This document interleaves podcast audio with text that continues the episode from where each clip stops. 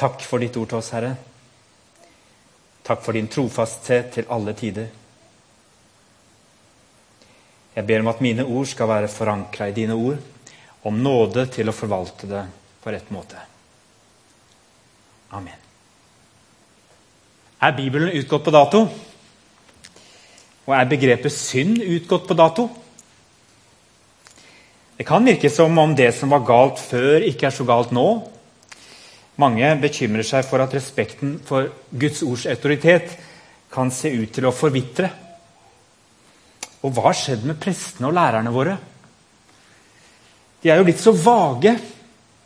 De tør ikke å si noe med klare ord lenger. Jeg kjenner meg litt truffet, og jeg vet at mye kan skyldes feighet. Men jeg vet en viktig grunn til at en del av oss kirkens menn, som kanskje også kan betegnes som konservative i bibelsyn, vi er blitt mer forsiktige med ordene våre. Det har sammenheng med at vår rolle er endret. Det er ikke lenger slik i dagens samfunn at ordene mine alene har autoritet. Budskapet mitt kommer ikke alene. Budskapet og senderen kan ikke løsrives i så stor grad som tidligere. Dere tar med dere hele meg, mitt kroppsspråk, og det dere vet om meg som person, når dere lytter til det jeg har å si. Derfor vet jeg at det blir en del Kan jeg nå stole på han der? Mm, I dag var han god å høre på. Mm, I dag likte jeg dårlig det han sa mot slutten. Jeg mener at det han sa der, ikke holder Bibelen slik jeg har lest den. Mer eller mindre bevisst så tror jeg det er slik vi tar inn et budskap i dag. Enten det kommer fra presten, eller kommer fra en lærer, eller for den del om det kommer fra NRKs korrespondent i Midtøsten. Og det er slett ikke negativt at det er sånn. Sånn er det blitt, i alle fall hvis dere er i min generasjon som har vokst opp i postmodernismens tidsalder.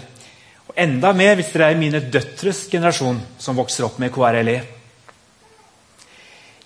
I gamle dager så hadde vi høvdinger i vårt folk med etternavn som Wisløff, Hallesby og Berggrav. De hadde sine tilhengere, og når de talte, så slapp kristenfolk å tenke så mye selv. De fulgte sin høvding. På godt og vondt så er min generasjon og generasjonen etter meg overgitt til seg selv og sine egne valg. Vi følger også våre autoriteter, men det holder ikke at de sier oss sannheten. Ikke en sannhet uten kropp, uten følelser. Det er nemlig sånn at Hvis det jeg mener å være sannheten, formidles uten kropp og følelser, ja, da blir det fort en halv sannhet. Og da kan den gjøre mye skade. Det er mye vanskeligere å formidle sannheter når en er nødt til å være nær og til stede med hele seg. Jeg tror det var derfor mange høvdinger valgte det enkleste. Og De var også barn av sin tid, og jeg skal ikke dømme dem for måten de kommuniserte på.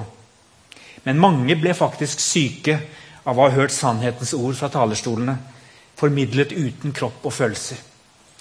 Og Seint i livet går fortsatt ektefeller fra hverandre i dag fordi de aldri følte de hadde lov til å slippe følelsene til å være hele overfor hverandre. Og så går det galt på et eller annet tidspunkt. Enhver sannhet trenger å formidles med både fornuft, kropp og følelser. Jesus var sann Gud og sant menneske på samme tid.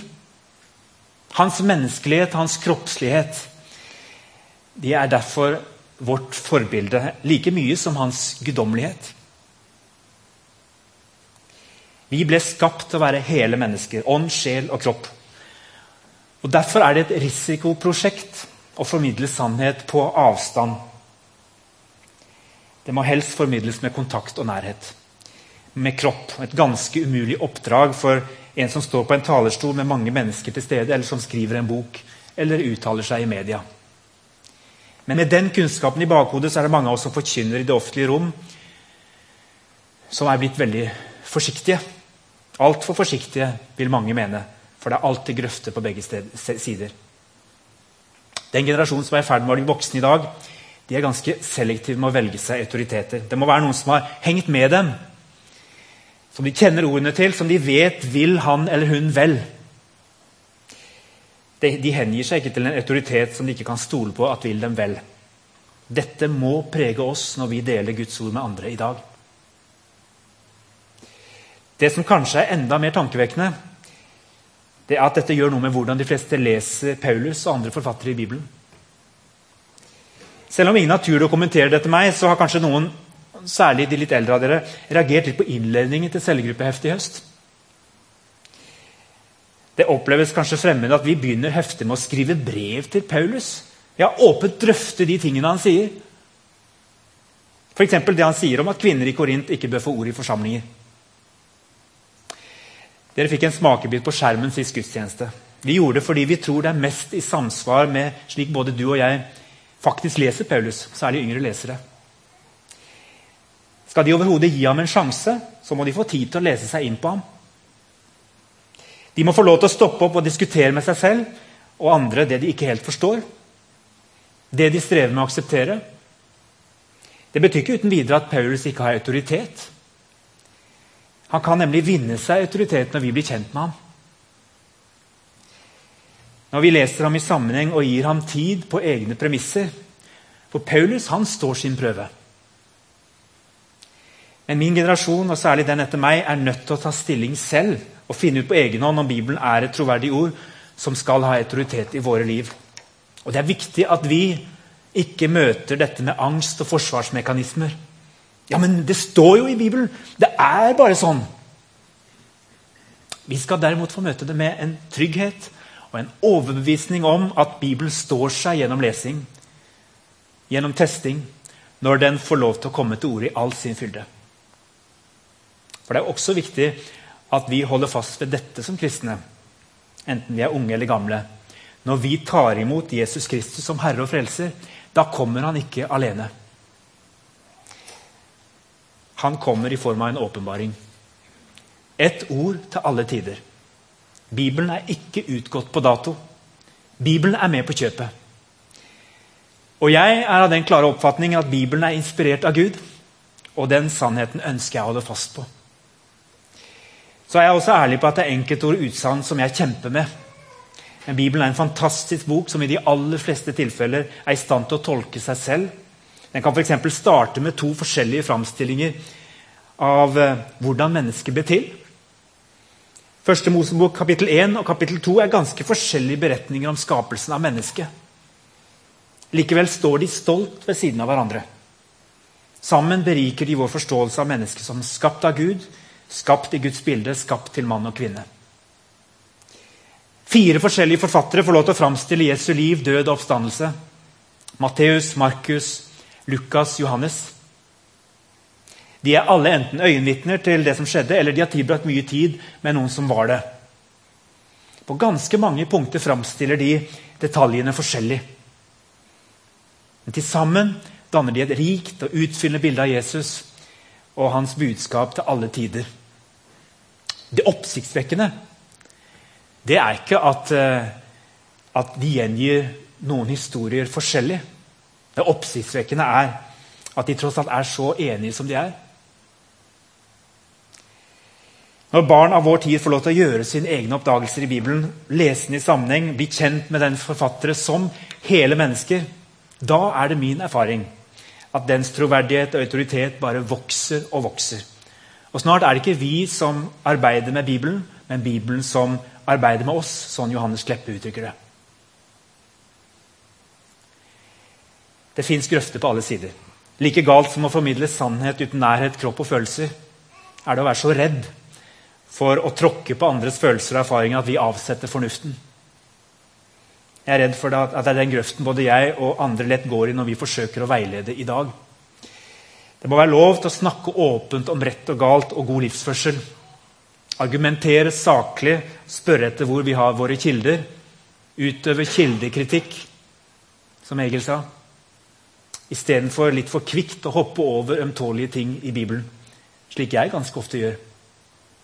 Slik anbefaler jeg også at vi gir oss i kast med forfatteren Paulus. Når vi leser hans brev i sammenheng, både korinterbrevene og de andre, så blir vi kjent med ham. Vi oppdager hans kjærlighet, omsorg for oss som kristne. Han vil oss vel. Av og til leser vi vanskelige partier i lys av det han selv sier og praktiserer andre steder. Det gjelder f.eks. når vi leser hans ord i Korinterbrevet om kvinner som må tie i forsamlingen. Mens han andre steder løfter fram menighetsledere som Priscilla og Akvilas. Det er åpenbart at de begge to Både Priscilla og Akvilas hadde ansvar for undervisning og opplæring i de nye menighetene de grunnla. Og Så kommer vi til kapittel 6 i første Korinterbrev.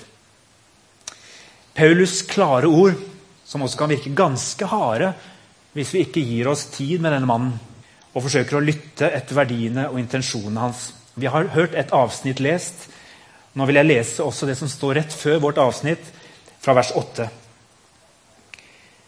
Men dere gjør urett og lar andre lide tap, til og med søsken. Vet dere ikke at de som gjør urett, ikke skal arve Guds rike?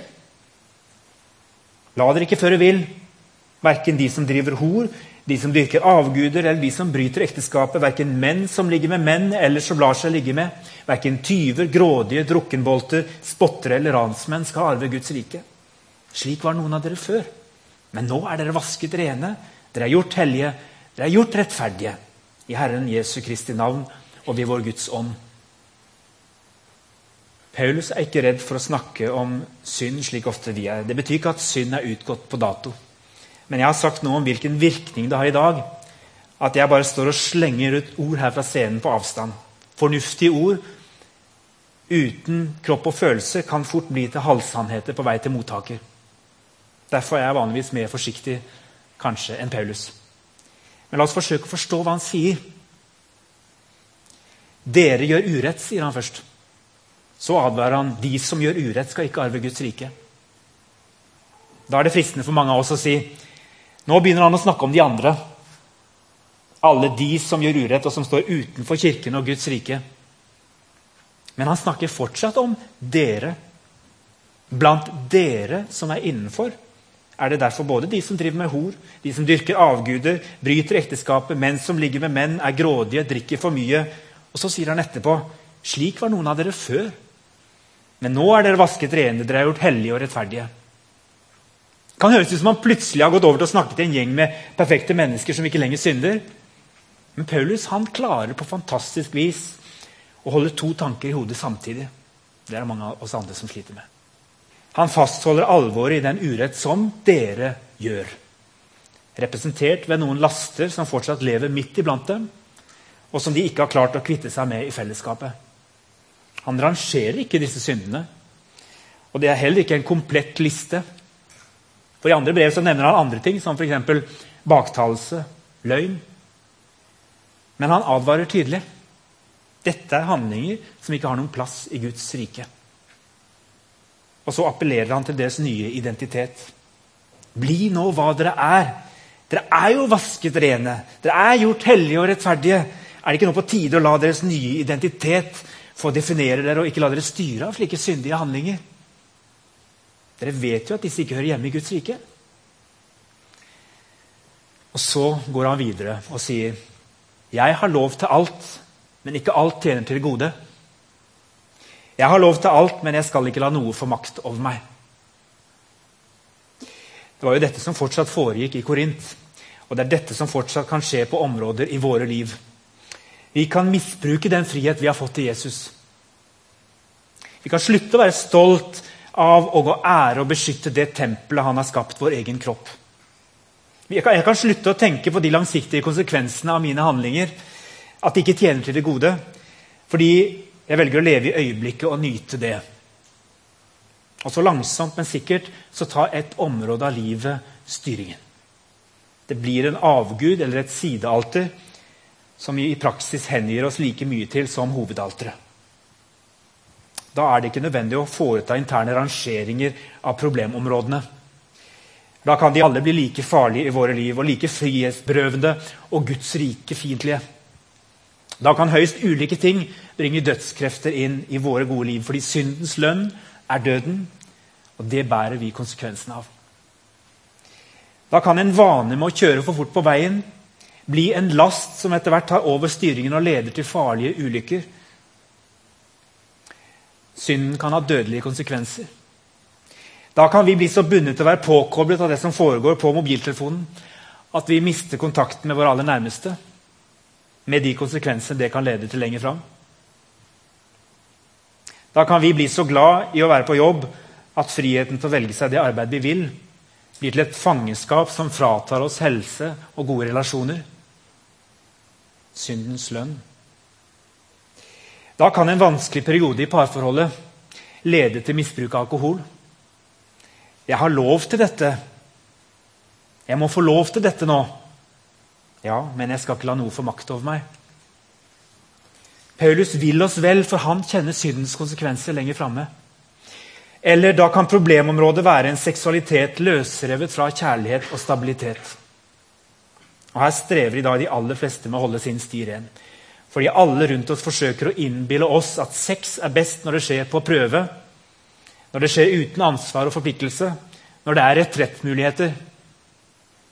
Jeg har til og med hørt kristne foreldre si det kan vel være lurt å prøve seg litt både med sex og kanskje bo sammen, for, for du vet ikke om det er denne du skal dele hele livet med.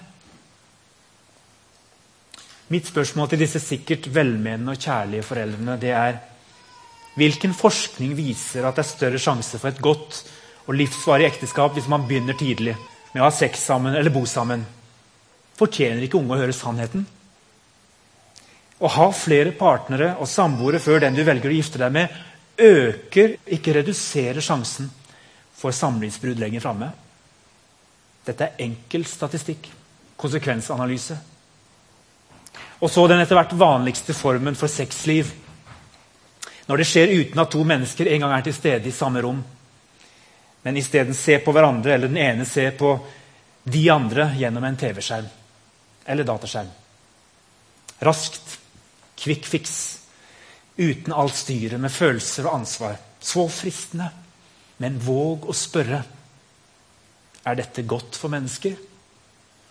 Kan dette lede til en avhengighet som skader kjærlighetsevnen på sikt?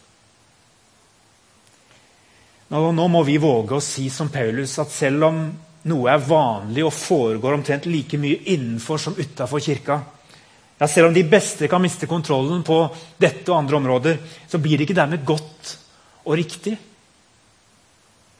Det blir ikke til noe som tjener til det gode, og som er uten konsekvenser for våre liv, for stabile parforhold, for våre barns liv. Det gjør noe med menneskers seksualitet og kjærlighetsevne når man plutselig kan møte 50 forskjellige kvinner eller menn på en kveld via en skjerm. Tør vi å si det uten å bli beskyldt for å være seksualfiendtlige og sexfikserte? Når vi går ting litt etter i sømmene, når vi våger å ikke være for politisk korrekte, når vi sjekker kildene, når vi stiller spørsmål til erfarne terapeuter om hva som er et godt og bærekraftig liv for mennesker, da viser det seg at det er mye fornuft i den listen som Paulus ramser opp her i 1. Korinterbrev 6. Den som handler om det å bli fanget i et mønster av handlinger som kan få konsekvenser både for oss og våre samfunnsstrukturer. Derfor sier jeg også to ord til slutt om det spørsmålet som rir Den norske kirke som en mare. Jeg ville ha benyttet føre-var-prinsippet en stund til når det gjaldt synet på vår ekteskapsforståelse. Jeg har forståelse for at mange homofile opplever det nærmest umulig å leve alene. Og derfor får forpliktende rammer rundt sitt samliv. Men det er et langt skritt derfra til å innføre en helt ny ekteskapsforståelse som likestiller ekteskap mellom mann og kvinne og andre former for ekteskap. Dette advarer jeg mot, selv om jeg innser at vi som kirke ikke lenger har mye autoritet i dette spørsmålet. Vi vet svært lite om hvilke langsiktige konsekvenser dette har for barn som vokser opp i framtida. Bruk føre-var-prinsippet. Når jeg sier alt dette jeg nå har sagt, så vet jeg at jeg løper en risiko. Risikoen for at det jeg opplever som viktige sannheter, blir til halvsannheter på veien til dere som mottakere. For jeg sier de på avstand. Noen hører ordene mine på nettet. De kjenner meg ikke, de ser meg ikke. De hører bare ordene og viktige nyanser kan ha blitt borte på veien. Uansett skal både du og jeg forsøke å leve sammen også om vi er uenige. Også om vi støter hverandre med våre ord. Også om du ikke helt klarer å tro at jeg vil deg vel når jeg blir engasjert, sånn som Paulus ble. Paulus han klarte å holde sammen flere ting samtidig. Om det å ha frihet til å gjøre alt, men samtidig ikke la noe få makt over seg om det å gjøre urett og samtidig bli tiltalt som hellig og rettferdig i samme avsnitt. La ikke dine feilsteg og gale valg få lov til å definere hvem du er når du ser deg selv i speilet. For i speilet ser du et vakkert tempel for Den hellige ånd. Vet dere ikke at kroppen deres er et tempel for Den hellige ånd, som bor i dere, og som er fra Gud? Dere tilhører ikke lenger dere selv. Dere er kjøpt og prisen betalt. Bruk da kroppen til Guds ære.